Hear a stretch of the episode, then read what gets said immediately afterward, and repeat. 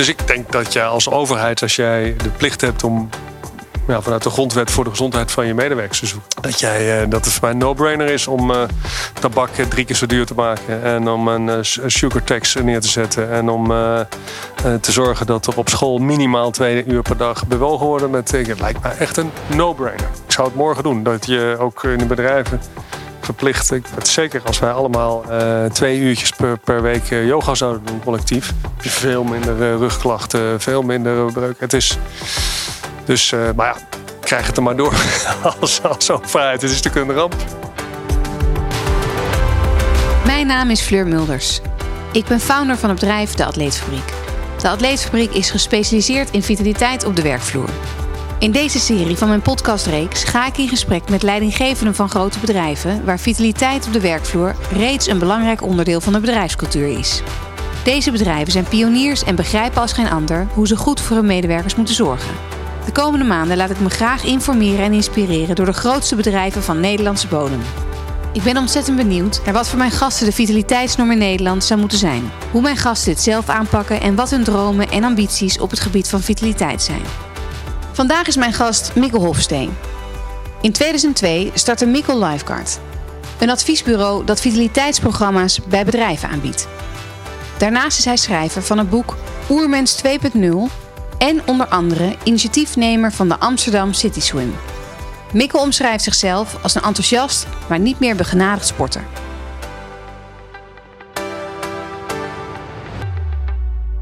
Mikkel, welkom. Dankjewel, Fleur. Zou je nog iets willen toevoegen aan je introductie? Nee, het is een prachtige introductie. Dankjewel. Oké, gelukkig. Een enthousiast, maar niet meer begenadigd sporter. Wat bedoel je hier precies mee? Um, tweeërlei. Enthousiasme blijft altijd wel bestaan. Maar ik heb, uh, vroeger droomde ik nog wel van een topsportcarrière als honkballer. Maar uh, ja, rond mijn vijftiende, zestiende, ja, dan waren de verleidingen van de van het echte leven werden dusdanig groot dat ik mij onvoldoende geconcentreerd heb op een topsportcarrière. En zo is het gebeurd. Ja, maar ik was ook net niet goed genoeg. Dat is heel Daar kwam ik ook wel achter. Oké. En waar stond je in het veld? Korte stop, korte stop. Ja. Maar ook daar, is naarmate je wat uh, hoger komt spelen, dan uh, verdwijn je soms wat meer richting het verre veld. okay. Nou, heel duidelijk. Kun jij kort vertellen wat Lifeguard voor een bedrijf is? Lifeguard is begonnen eh, vanuit de gedachte dat. Um, ik, ben, ik ben het gestart, ik was bankier uh, in, in Londen. En 18 jaar geleden kwam mijn zwager, die stuurde een scriptie als fysiotherapeut. En die stuurde een scriptie. Uh, ik ben met zijn zus getrouwd, was en ben nog steeds met zijn zus getrouwd. En um, hij zei: Ja, we hebben een bedrijf ze onder de loep genomen. En net zoals je een, ja, bij je auto of machines een soort keuringje doet, een APK zou je dat eigenlijk ook bij je mensen moeten doen. En daar dachten wij van, nou dat is een mooie gedachte. Laat ik daar nou eens een bedrijf mee gaan starten. En Lifeguard is begonnen dus, als zou je kunnen zeggen, keuringsbedrijf voor mensen. Maar ja, alleen keuren is natuurlijk onvoldoende om een vitale organisatie en vitaal gedrag te krijgen. Dus, uh, maar zo is het ontstaan. Dus eigenlijk vanuit een behoefte om meer inzicht te creëren. Ja, maar wij, wij hadden natuurlijk een, uh, een briljant model. Wij dachten, uh, je moet net zoals de tandarts, als, als, als iemand in Nederland preventie tussen de oren heeft gekregen, dan is het de tandarts. Zeker. Waarom, uh, je belangrijkste kapitaal, waar al die bedrijven hebben, waarom gaan die nou niet jaarlijks even door een soort wasstraatje, om het zo maar te zeggen? Maar ja, de praktijk is natuurlijk veel weerbarstiger. Maar het was een goed idee. En zo is het gebeurd. En zo, dat is ontstaan, ontstaan van Lifeguard. Ah, ik snap het. Dus um, jullie missie sluit hier waarschijnlijk goed op aan. Zou je er iets meer over kunnen vertellen? Ja, wij, wij, ook, ook, dat is wel veranderd. Want wij, uh, ja, ik zeg altijd, je begint te ondernemen. Ik zal het niet aan jezelf vragen, maar uh, uit een dosis naïviteit en zelfoverschatting zeg ik altijd. Ja, dan denk ik, nou ja, ja, maar goed. Binnen een jaar of drie dacht ik, dan is dat bedrijf al uh, succesvol.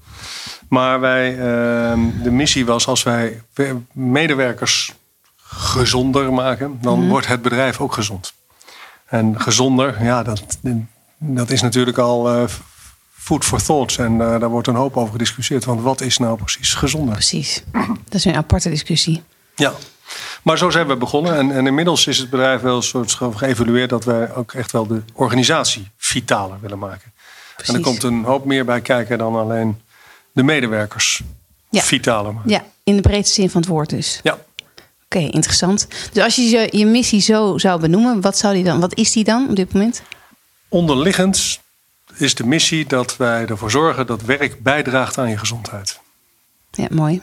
Ja, daar schaar ik me graag achter. Ja, Ja. dat verbaast me niet. Nee. en ehm, nou, mijn vervolgvraag gaat eigenlijk over jullie programma's. eh, voor de mensen die dit luisteren. Kun je iets meer vertellen over het ja, type programma wat jullie aanbieden? Ja, ook daar hebben we een, eh, een behoorlijke ontwikkeling mee doorgemaakt. Want wij zijn begonnen als, ja, met een APK'tje op de werkvloer.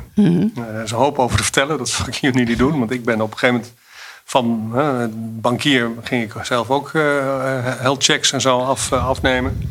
De eerste persoon die ik ooit een vingerprikje gaf, die viel flauw. Dus dat zijn allemaal leuke dingen om mee te maken. Maar eh, van een momentopname zijn we veel meer langetermijnprogramma's gaan, eh, gaan inzetten. Dus we, zijn, we begeleiden organisaties nu echt langetermijn. Om op verschillende niveaus, zo individueel, teams, leiderschap, eh, ook wel op organisatieniveau, vitaler te worden. En wat dat is, dat laat je heel erg afhangen van het bedrijf. Dus dat pas je eigenlijk iedere keer aan. Dus elk programma is tailor-made uiteindelijk. Ja, ja, je kan zien, wij hebben allemaal eh Lego-blokjes, bouwsteentjes. En ehm, eh, die bouwsteentjes probeer je wel te gebruiken. Soms maak je er wat nieuwe bouwsteentjes bij. Dus laten we zeggen dat eh, bij elk programma 80% bestaande bouwsteentjes zijn en 20% eh, dat is zijn nieuwe Ja, bouwsteentjes. precies. Om het zo goed mogelijk te laten aansluiten. Lifeguard bestaat inmiddels ruim 18 jaar. En dat vitaliteit in jouw leven centraal staat, is natuurlijk duidelijk. Ehm, wat is. Is, dat, is dat duidelijk? Nou, er is een heel vitaal, sprankelend persoon tegenover me. ja, dankjewel. Ja, toch? Jammer dat Ja. niemand het kan zien. Eh, Nee, maar we hadden natuurlijk ook al eventjes aan het begin gezegd dat we ook een leeftijdsverschil hebben. Dus nee, als ik jou zie, dan denk ik wel, je ziet er jonger uit dan dat je werkelijk bent. Kijk, kijk, nu kunnen we stoppen. Dank je wel. Nee, maar dat is wel gewoon waar. Het is toch niet afgesproken dit. Maar goed, laten we het dan even over jouw definitie, definitie van vitaliteit hebben. Wat is voor jou eh, vitaliteit? Ehm, een combinatie, denk ik, van veerkracht, veerkrachtig zijn, eh, wendbaar, weerbaar, eh, energie hebben en houden om dingen te kunnen doen. En dat wel combineren met, eh, met daadkracht. Dus eh, ik vind het ook wel mooi dat je het wel, ja, dus je omzet in actie. Ja, en op die manier bijdragen, of je nou een hoger doel hebt, of, hoeft voor mij ook niet zozeer, maar wel, nou, idee. wel, wel, het, is, het is wel leuk als je in ieder geval het gevoel hebt dat je bijdraagt aan een maatschappij die inclusief is. Ja. eens. Snap ik ook wat je zegt. Welke rol speelt vitaliteit in jouw persoonlijke leven? Ja, ik heb altijd wel. eh, ehm, ik was een begenadigd sporter. nee, net niet woord. begenadigd. maar eh, eh, ik, ik kon altijd goed sporten. Of ik kan altijd. Ik, eh, weet je ik vind sport leuk. Ja, Dus dat is altijd. eh, en dan, dan denk je heel snel eh, dat iedereen ook vitaal is. En dat zit heel erg natuurlijk op dat fysieke vlak. Alhoewel ik de, het spel. de- dus, dus balspelletjes op school altijd veel gedaan. Vind ik ongelooflijk leuk. Dus die kant van vitaliteit zit er heel erg in. Maar uiteindelijk, naarmate je ouder wordt, is die, die mentale vitaliteit. Die, eh, nou ja, wat ik net zei, eh, blijf je nieuwsgierig. eh, durf je uit je comfortzone te blijven gaan. ja, heb, je de, heb je voldoende energie om dat te doen wat je, wat je doet, wordt veel belangrijker. En ehm, ik vind wel dat de fysieke vitaliteit, lichaam, is voor jezelf wel een voorwaarde om een, hoop aantal, aantal dingen te doen. Dus het is voor mij het is de, de makkelijkste kant van vitaliteit. het voor fysieke mij. aspect. Ja, fysiek aspect. Want dat Ja. is gewoon te organiseren. En wat doe jij zelf op dat vlak? Ja, ik, ik ken in zoverre mijn eigen zwakte. Dus ik, ehm, ik weet dat ik heel gevoelig ben voor ja, een soort, soort afspraken en vriendschap. Dus idealiter organiseer ik mijn vitaliteit met anderen. Ja, slim. Dus eh, een groepje gewoon in de buurt waar we woensdagochtend samen trainen. Eh, en de trainen is dan bootcamp. Ja, dat is. Ik heb zelfs zo'n zo'n yoga-app. Die doen we dan eerst een half uurtje met, met flinke core-achtige dingen. En op één been staan. En dan, eh, nou ja, en als mensen op een gegeven moment eh, je vriendjes om je heen stoppen met praten, weet je dat het zwaar genoeg is. en dan doen we de Tabata. Ja, En natuurlijk eindigen met de 10 burpees. Eh schatplichtig aan Martin Hersman. heel goed. Dus, eh, maar, eh, en, ehm, en ik doe vaak met mijn vrouw s ochtends een kwartiertje yoga. Voordat wij uh, aan, aan, het werk gaan, zeg maar. thuis? Thuis, gewoon op de, in de badkamer. Is dat sinds corona of deed je dat daarvoor ook al? Mm, dat misschien wel sinds corona, dat ja. ja ik, ik deed het vaak zelf, maar nu is uh, het samen gaan doen. Ik voetbal op zondag met vrienden. Leuk. Ik loop één of twee keer hard. Uh, ik ben recentelijk een beetje bokstraining gaan doen. Dus ik vind nou wel, in die coronatijd heb ik wel gemerkt dat je wel extra aandacht aan je fysieke vitaliteit moet geven. Ja, om het compleet te houden. Nou, ja. Jouw trainingsschema zou ik bijna kunnen zeggen, klinkt ook wel heel compleet. Ja. Het sluit heel goed op elkaar aan. Ja, en ik heb wel geleerd door de jaren heen, bijvoorbeeld met dat lopen. Ik loop op uh, 9 km per uur of zo. Heel rustig. Ja, ik dacht, ik zeg even niks. Ja, heel rustig. nou ja, goed, heel rustig. Het is gewoon een heel lekker tempo om inderdaad een uur hard te lopen. Ja, ja maar ik, ik, dacht vroeger altijd van, ah, je moet toch allemaal een beetje hard lopen. En, dan, uh, en ik heb eigenlijk pas twee jaar geleden of zo uh, een keer een wat looptraining genomen. Dat kan ik iedereen aanraden. Wel hè, dan gaat het makkelijker. Ja, het is verbazingwekkend dat je op school, hè, dan was altijd van uh, loop maar drie rondjes rond het gymveld. We hadden een groot gymveld. Maar uh, het is nooit een gymleraar die tegen mij gezegd heeft: neem eens wat kleinere pasjes of ga eens wat rechterop nee. lopen. Of uh, ik denk dat er een hoop blessures had kunnen voorkomen. Niet zozeer bij mijzelf, maar wel bij een hoop mensen. Ja, in, in, ja bij meerdere mensen. Dat ik snap wat ja. je zegt. Ik heb dus heel veel marathons gelopen en ik heb daar nooit hardlooptraining voor genomen. En dat ben ik daarna pas gaan doen. Ja. Maar het gaat je dus veel makkelijker af ja. als je dat dus wel doet. En dat fysieke aspect hebben we besproken. En dat mentale stuk vind ik toch nog wel interessant. Wat doe jij nog meer om mentaal fit te blijven? Je doet yoga. Doe jij ook nog iets van mindfulness? Ja, of? dat, dat, dat, dat, iedereen heeft het wel eens geprobeerd. en dat, Blauw maandag. Uh, ja, idealiter loop ik gewoon, uh, ben ik veel buiten. wandel ik veel. Ik, ik verbaas mij heel veel. Ehm, ik kijk altijd heel goed om me heen. Dus ik vind het prachtig als ik bijvoorbeeld een snoek zie zwemmen. Ik, dat klopt. Wij hebben gewandeld en toen wees je inderdaad daarvoor in het water. Ja. En, en ik vind heel graag klavertjesvier. Mooi. Ja, dat is een hele leuke hobby. Ja, dat is een hele leuke bezigheid. maar dat is meer, dat zijn zeg maar meer de, de ontspanningskant. Ja. En verder, ik hou enorm van lezen en uh, verdiepen in, ja, dus eigenlijk een soort kennis opdoen en uh, nou, van andere mensen dingen leren. Ja, en ik hoor wel in jouw voorbeelden terug dat de rust die jij uh, hebt, in de voorbeelden die je noemt, die heb je volgens mij van nature of heb je die jezelf aangeleerd? Mm, ja, dat, dat is interessante, dat is interessant, want ik ben. Uh, uh, ik, zo, ik, ik, denk, denk wat ik goed kan, is dat ik uh, heel snel van taken kan switchen, wisselen. Ik heb bij ABN AMRO heb ik in de dealing room gewerkt in, mm. in Londen en dat zijn veel, veel impulsen. En volgens mij, ja, je, kan veel, je, je, je kan niks tegelijk doen. Maar als je snel kan afschakelen en snel kan opschakelen. Je ziet natuurlijk eigenlijk bij, nou wel bij echte topsporters, bij tennissers of weet ik veel wat, die dat natuurlijk heel snel kunnen.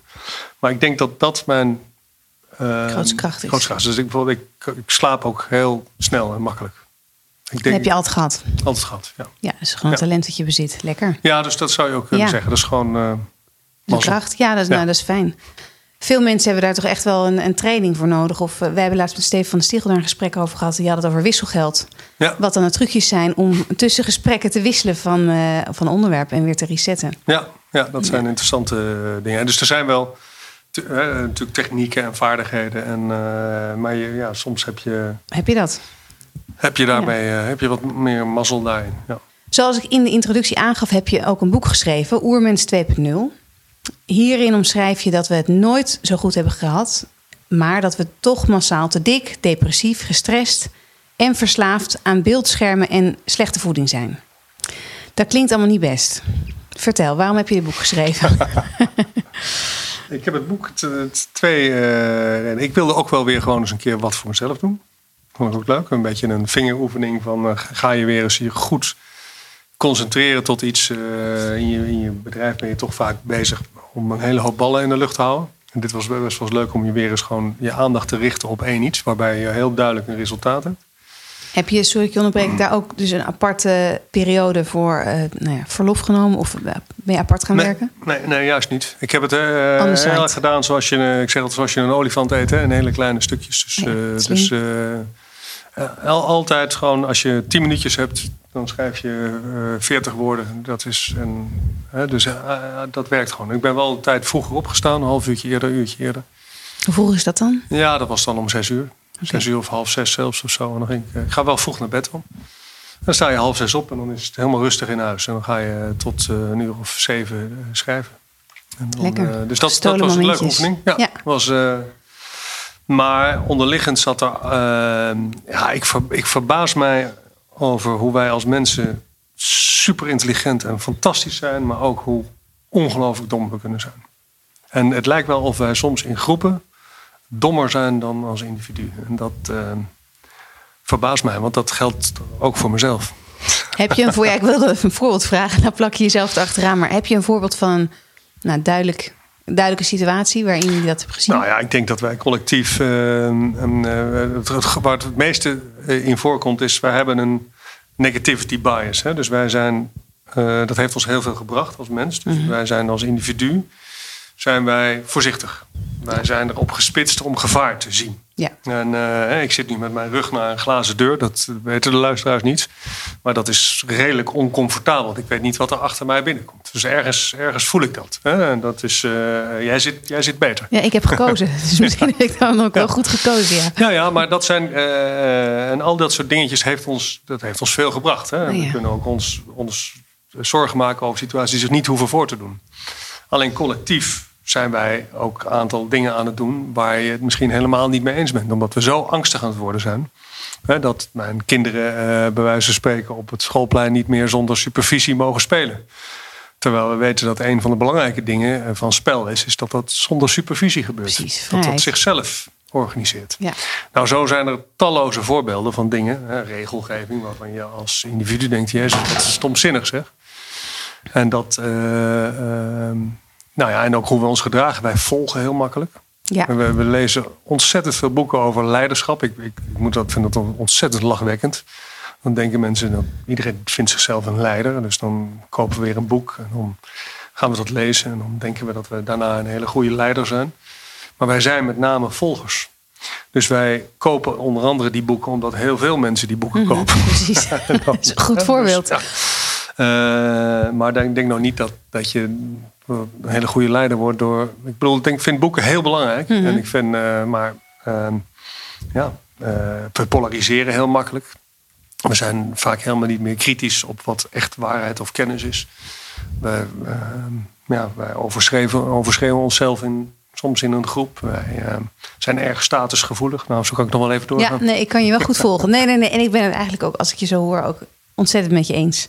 En ik vind ook wel, als ik het op mezelf betrek, dat ik in een groep af en toe minder uitgesproken ben dan als ik het, voor, als ik het woord neem. Ja.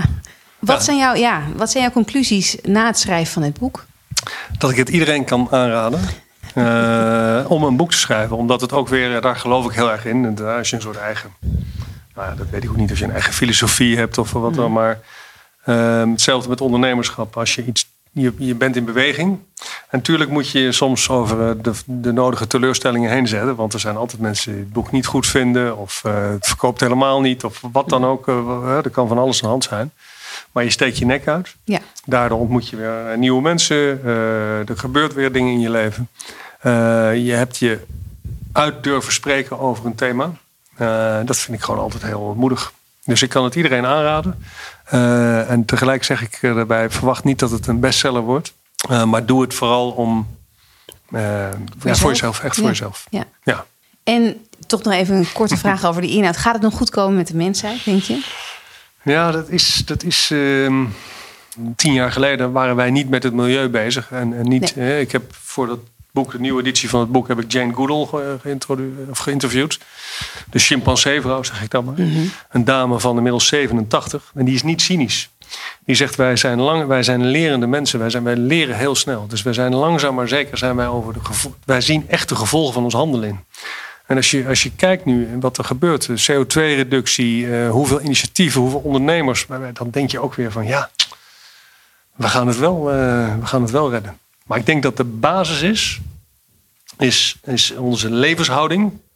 Hoe wij uh, ja, in, het, in het leven staan. Hoe wij onszelf percipiëren ten opzichte van alles om ons heen. Zijn mhm. wij onderdeel of zijn wij uh, dominant over Ja. de natuur? Nee, dat zeg je goed. En jij maakte net eh, een koppeling naar eh, deze dame.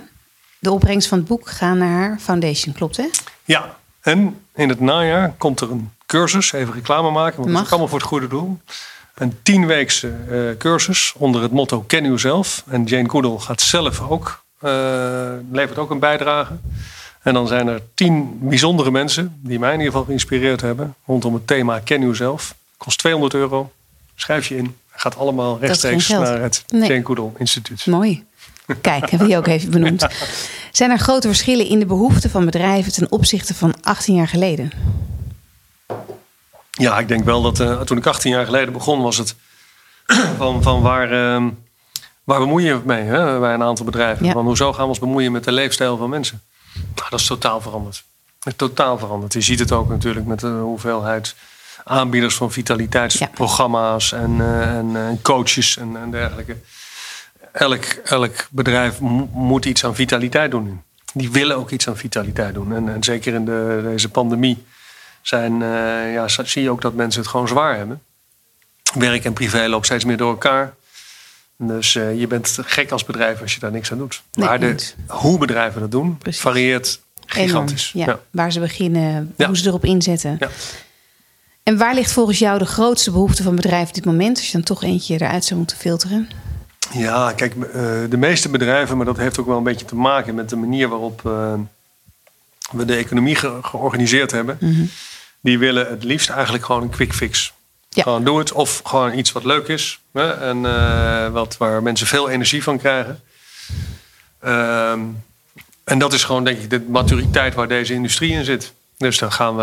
eh, ja, dat, dat- dat, dat is. ehm, op dit moment willen mensen vooral leuke programma's voor medewerkers waar mensen veel energie van krijgen. En ik denk wat een beetje is losgelaten, dat, eh, dat het ook moet leiden tot eh, lager verzuim of eh, weet je, dat, Hoge dat, productiviteit. Hoge productiviteit, ja. dat is, die productiviteit zit wel goed. Ja, dat klopt. Nee, sterker nog, die was iets te hoog geloof ik in de coronaperiode. Ja. Of die is dan nog steeds een beetje te hoog. En zie je de vraag veranderen nu steeds meer mensen ja, deels thuis blijven werken door deze pandemie? Nou, wat je nu wel krijgt, is dat, dat je veel meer bedrijven gaat ondersteunen. Want we, we, we weten het allemaal ook niet. Hè? Van eh, wat gaat er gebeuren? En gaan, eh, wat gaat er met talent gebeuren? Gaat, waar gaat, talent is ook.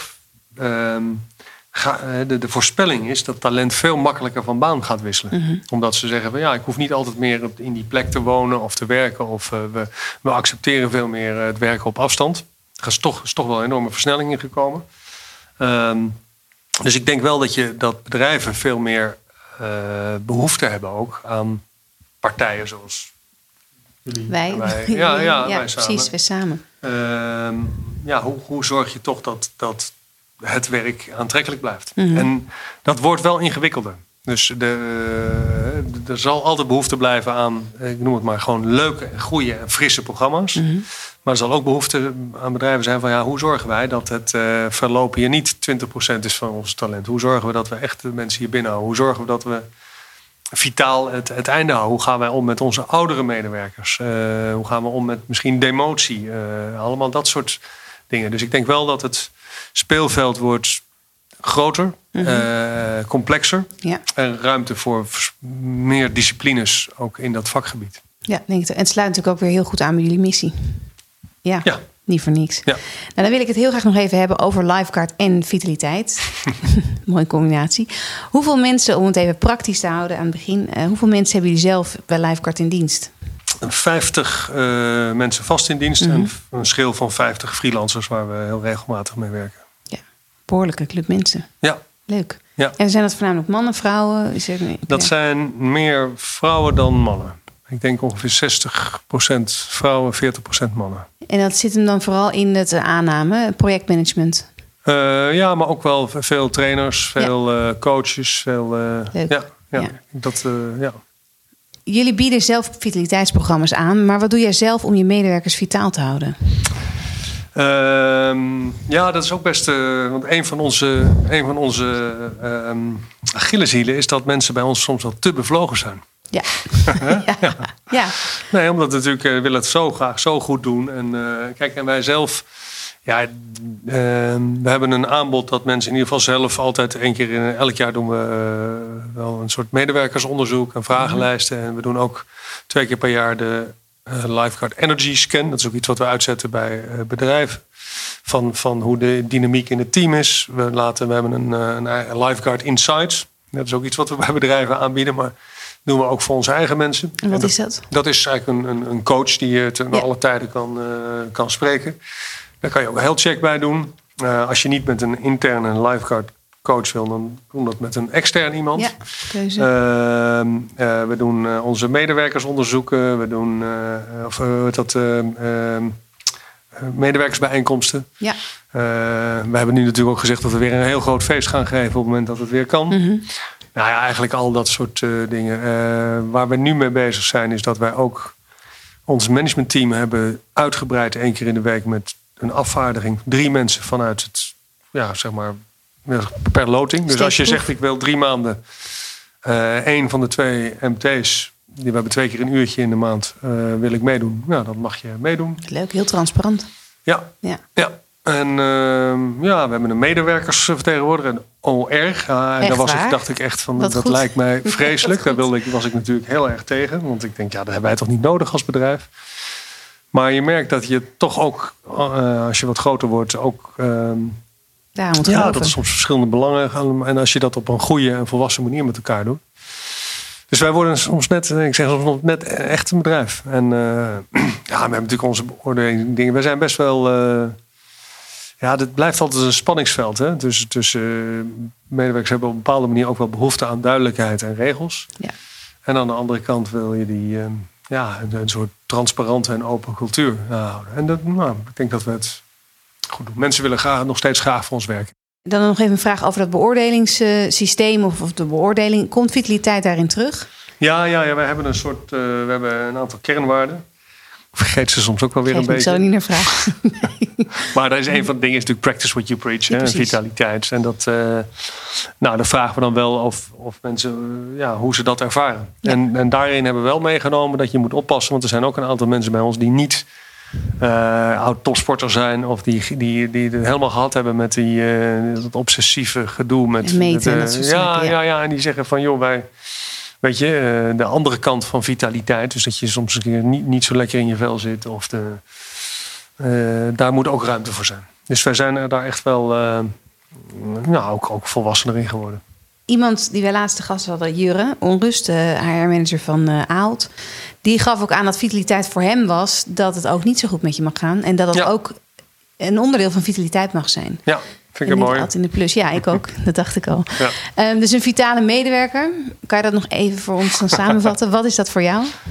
Nou ja, dat is wel uh, in mijn ogen natuurlijk iemand die, um, nou wat ik zeg, voldoende energie en veerkracht ja. heeft om, om, uh, om te gaan met de uitdagingen van, de, van deze tijd. Die er zijn. En dat betekent niet dat je elke dag een tien hoeft te zijn, want dat is natuurlijk die, uh, maar, maar laten we hopen dat je gemiddeld genomen lekker op een, uh, een 7 of een 8 zit. Ja, precies. Ja, en, en, en dat je niet helemaal door het ijs zakt. Nee. nee dat is denk ik hè, dat je toch voldoende vaardigheden hebt. Of sociale steun, of autonomie, of het, het werk dusdanig leuk vindt, is dat je niet, ook als dingen tegenzitten. Want er gebeurt natuurlijk altijd in je leven, zijn er momenten waarbij je wel hulp nodig hebt -hmm. en waarbij je het echt even tegenzit. Dat je niet helemaal door het ijs zakt. Nee, en dat je nog zelf op eigen kracht eigenlijk de dingen kunt uh, verzamelen om je heen om dus weer op ja, te krabbelen. Ja, Ja, Of, uh, dus wat ik zei, er zijn momenten dat je wel even kan zeggen: help me nu. ja nu even Ja, niet alleen. Ja. Ja. Jij bent best wel op de hoogte, vind ik, van de laatste ontwikkelingen. En uh, ik vraag me dan af, in, uh, nou, naast het schema wat je net noemde, hè, hoe je jezelf fysiek dan en mentaal uh, fit houdt. Ja, hoe hou jij jezelf op de hoogte van de laatste ontwikkelingen en informatie over het onderwerp vitaliteit? Uh, nou, dat is dan ook wel vanuit je bedrijf. Want uh, we hebben natuurlijk allerlei appgroepjes Ja. en iedereen ziet, uh, ziet wel wat. En dat, um, maar ook wel, ik, ik, hou, ik hou enorm van kranten lezen. Ik echt. Ik, dat is voor mij bijna een ontspanning. En is het dan een fysieke krant of is het ja, online? dat is een fysieke krant. Ouderwets. Ik heb 's ochtends het FD en, en s'avonds de NRC. En ik kan me bijvoorbeeld in het weekend kan ik me echt, echt verheugen om zeker anderhalf uur, twee uur eh, de krant te lezen. Ja, het is ook heel lekker. Als je er de rust voor hebt, is dat heerlijk inderdaad. Ja, ik neem er vaak een biertje bij. Oh, wat goed. bij het FD in de ochtend. Nou ja, ja precies, een ochtendbiertje. Zo vitaal, ja. Oké, ik snap het. Dus ja, gevoed door inderdaad de mensen om je heen. De appgroepjes waar je inmiddels natuurlijk hartstikke ja, in zit. En, uh, en zelf dus veel lezen. Ja. Tijd vrijmaken. Ja. ja. Dus weinig, weinig tv in verhouding. In hoeverre vind jij dat bedrijven verantwoordelijk zijn voor de vitaliteit van de medewerkers? Ja, voor mij is dat uh, essentieel. Je, dat is volgens mij uh, eigenlijk de basis van de arbeidsomstandighedenwet. Je bent verplicht om gezondheid. en ik denk dat. Ehm, ik, ook daar zit een hele gekke paradox in Nederlands. Bijvoorbeeld Nederlands bedrijven. Wij zijn natuurlijk die Nederlandse bedrijven, die zijn natuurlijk eigenlijk super. Ik bedoel, Kijk bij zo'n ABN AMRO waar ik zat, maar ook de, grote, grote bedrijven, wat die allemaal organiseren voor mensen. Wat je gewoon aan opleidingen kan doen, wat er voor mogelijkheden zijn, dat, dat, dat, waar rekening mee gehouden wordt. Maar aan de andere kant zijn we allemaal gevangen in een soort systeem wat ook weer uh, druk geeft. En wat, waar je moet presteren en waar we geen fouten mogen maken en waar de compliance heel erg hoog is. Dus het is een, het is een enorme paradox. Ja, gek genoeg. En, ehm, en soms denk je wel eens, ja, we zijn we, we, ja, we hebben de mensen bijna. Uh, wat is het woord waar ik naar zoek? Maar ze zijn, ze zijn gepamperd. Ja. Uh, en zijn ze nog wel weerbaar. Mm -hmm. maar de, en je ziet ook nu met, met deze pandemie, iedereen wil toch eigenlijk wel, de meeste mensen willen hun werk graag goed doen. Dus daar wordt eigenlijk wel hard gewerkt. Ja, fascinerend. En wat vind je dat de rol is van de medewerker zelf hierin? Ja, dat is ook altijd zo'n uh, idealiter wil je uh, dat je medewerker, net zoals ik zeg tegen mijn, uh, als je echt van je kinderen houdt, zoals je echt van je medewerkers houdt, en dus hebben bijvoorbeeld een lekker band, dan leer je ze hoe je die band moet plakken. Ja. dat, dus je, pakken. Ja, maar daar geven we soms hele conflicterende boodschappen. Kijk naar de zorg. Je bent arts en je mag de moeilijke operaties doen. Maar eh, je moet wel weer vier formuliertjes invullen. Mm -hmm. hè, waarbij je soms weer als een, letterlijk echt als een kind behandeld. Dus dan, dan, uh, ja, dus je, je wil, je wil ik, ik denk wat helpt is als mensen uh, blijven bewegen. Uh, dus niet te lang op één plek blijven zitten. Ehm, verantwoordelijkheid nemen. Plezier in het werk, dat er veel gelachen wordt. Um, ja, dat, dat onderdeel dat plezier hoor ik jou heel vaak zeggen. Dat is een essentieel onderdeel. Ja, maar ik denk, ik denk bijna dat... Ja, ja, dan pas ik niet heel cynisch worden, hè, maar van eigenlijk wat wij nou allemaal doen, is dat nou zo verschrikkelijk belangrijk in het leven. Dus uh, als je een beetje kan relativeren. En de helft van de lol van werk is dat je met uh, collega's of met klanten of opdrachtgevers uh, in ieder geval een beetje kan lachen. Ja, precies, en leuke dingen kan doen. Ja, mooi. Ja, jezelf in eerste instantie denk ik, maar niet alles te serieus nemen. Nee, dat is. Uh, nee, dat, nee, en, en, je moet ook weer daarop passen dat je jezelf niet kapot relativeert. Want oh, nee. dan is, is, is niks. Nee, dus ook dat is weer een mooi spanningsveld. Ja, mooi. Vind jij dat de overheid een grotere rol moet spelen als het aankomt op de investering in vitaliteit? Nou, als ik, als ik Rijksoverheid zou zijn, dan zou ik het wel weten. Kijk, ook daar weer. Wij zijn gewoon. Uh, ik, ik, heb zelf, nogmaals, ik heb een bloedhekel aan betutteling. Maar ik weet ook dat ik een soort weekdier ben uh, van uh, als uh, ja, leg hier een, een, een, bakje met M&M's op tafel en die is leeg. Mm -hmm. dat is gewoon. Klopt. Maar um, dus ik denk dat jij als overheid, als jij de plicht hebt om ja, vanuit de grondwet voor de gezondheid van je medewerkers te zoeken. Mm dat, jij, eh, dat het voor mij een no-brainer is om uh, tabak eh, drie keer zo duur te maken. En om een sugar tax neer te zetten. En om uh, te zorgen dat er op school minimaal twee uur per dag bewogen worden. Met, het lijkt mij echt een no-brainer. Ik zou het morgen doen. Dat je ook in de bedrijven verplicht. Ik weet zeker als wij allemaal twee uurtjes per, per week yoga zouden doen collectief. Heb je veel minder rugklachten, veel minder druk. Het is... Dus, maar ja, krijg het er maar door. Als dat zo ja, maar begint, kunnen Ja, maar begin met inderdaad dat mensen zoals jij zich zo duidelijk uitspreken. Uh, ja, ja, want in andere podcasts, ik vind het wel leuk om daarnaar te refereren, want de vragen komen soms toch echt wel overeen. Uh, komen er ook antwo andere antwoorden? Dus uh, ja, ik ben blij met dit antwoord. Ja, ja, ja, nee, het is. ja. Als ik, als je minister van Volksgezondheid bent en je hebt het is natuurlijk, uh, was het maar zo makkelijk. Als je mhm. ze op de man afvraagt, zouden ze het allemaal willen, denk ik. Daarom, er zit heel veel achter. Nee, dat ben ik ook helemaal met je eens. Heb jij toevallig zelf politieke ambities? Nee, nee, nee. Ik heb dat. Uh, uh, maar ik heb. Het is, ook dat is weer lastig. Want ik vind altijd wel dat als je ergens wat van vindt, dat je dan kleur moet bekennen. Ja. Dus het is makkelijk praten en lullen en zeggen dat wij. Dus het liefst zou ik. Ik zou er best voor willen pleiten. Dat iedereen één moment in zijn leven, misschien twee tot vier jaar, politieke verantwoordelijkheid neemt.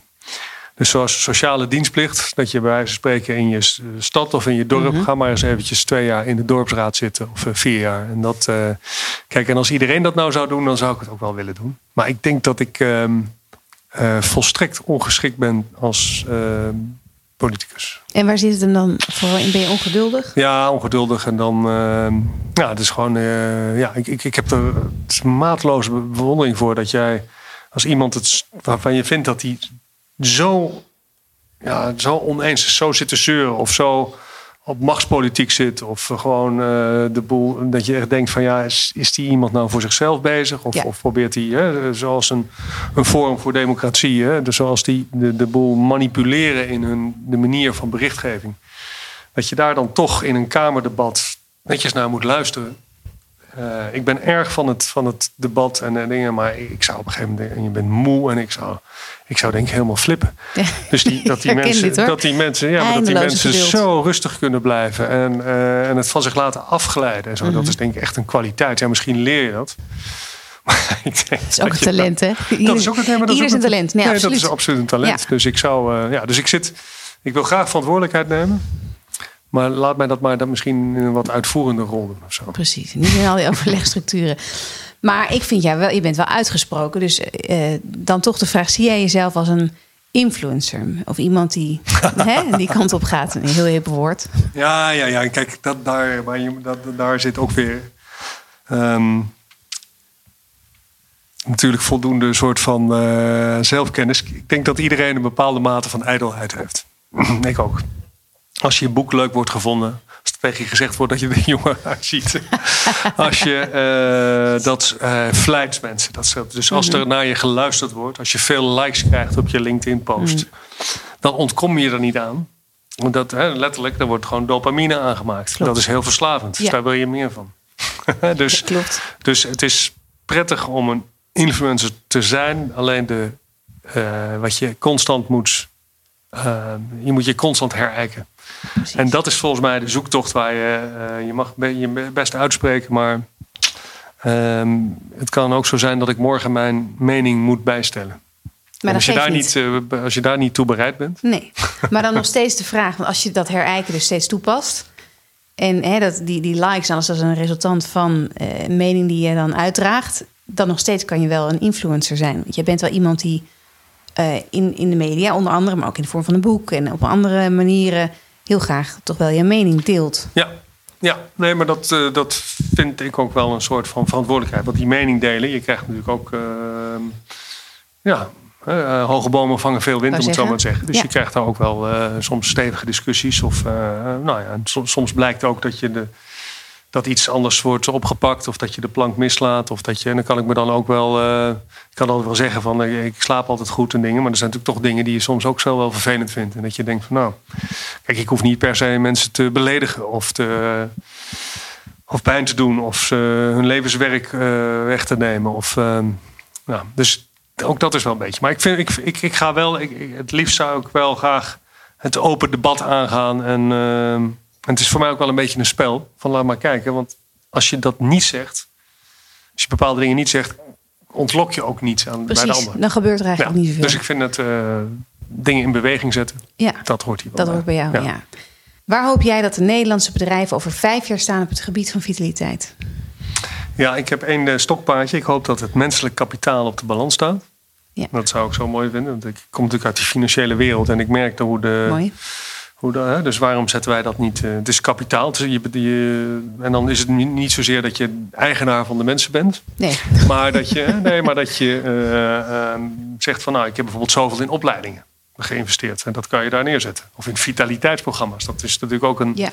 een investering in mensen. Dan kan je zeggen, nou ja, weet je, dat, en, en als we dan zien dat die, dat investeringskapitaal eh, minder, minder is, hè, dan, hoezo heb je te weinig geïnvesteerd in je mensen? En ik zou wel zien dat ehm, het niet alleen een thema is van HR, wat het overigens niet bij, bij, niet bij alle bedrijven is hoor, dus, maar, maar dat het echt eh, ook bijvoorbeeld een CFO ook ziet dat er heel veel winst te behalen valt om, om dat menselijk kapitaal goed te managen. En daar denk ik dat we nog wel een stapje kunnen maken. ja, eens. Dat het een vast boordtopic wordt eigenlijk. Ja, maar wel vanuit eh, niet van, oh, eh, nou ja, ik neem in mijn begroting maar 4% verzuim op, want het is al, ja, zo of ik eh, dat WGA-risico, dat, hè, dat dek ik maar af. Want nee, maar dat je zegt van, nou, ik neem daar een voorbeeld in en ik kan daarop sturen. Ehm, retentie, ja, waarom gaat zoveel talent weg? Veel meer dan een aantal van die dingen die nog, die gewoon nu als een soort grote, een grote kostenpost worden gezien. Ja, Ik denk dat je nog veel meer kan, kan sturen. Ja mooi, Ja. mooi streven. Vijf jaar, dat is niet, eh, niet zo ver. Vanuit nu. En waar hoop je dat Livecard over vijf jaar staat? Ja, nou, ik, ik, ik eh, denk wel dat wij. ehm het is altijd interessant om te zien dat je beg- begint als een, als een soort nou, vitaliteitspartij. Leuk, leuk, leuke dingen doen voor de medewerkers. Ik eh, hoop dat wij over vijf jaar, ehm, als er bij bedrijven ehm, gedoe is of ehm, ze willen echt een volgende stap maken, dat wij als een als, als de provider, ja, hoe zeg je dat? De, de, de, de Partner in eh, business? Ja, partner in business, preferred supplier. Zo van, hey, we gaan dus ook even, en we gaan ook echt iets aan cultuur en leiderschap. En ja, dat je niet alleen maar weer de grote consultancy firms daarvoor eh, belt, maar dat je ook eens denkt aan dit soort, ons soort partijen. Hè, dat het, ja, vitaliteit gaat over Ja. gedrag. Ja, En dat we wat minder in de hoek van pure instrumentale oplossingen, maar wat meer, eh, nou ja, strategisch eh eerder worden aangesloten. Ja. Eh, nou, ik wil jou bedanken voor deze ontzettend leuke podcast. En ja, natuurlijk een onderwerp waar ik uren over door kan praten. Jij ook al helemaal. Doen we nog wel eens. Dankjewel voor het luisteren naar deze podcast. Wil je op de hoogte blijven over het thema vitaliteit op elke werkvloer? Subscribe en of like dan mijn podcast in jouw favoriete podcast app. En mis de volgende aflevering niet. Wil je meer weten over wat de Atleetfabriek voor jouw organisatie kan betekenen? Kijk dan op onze website www.deatleetfabriek.nl of mail mij op fleur@deatleetfabriek.nl.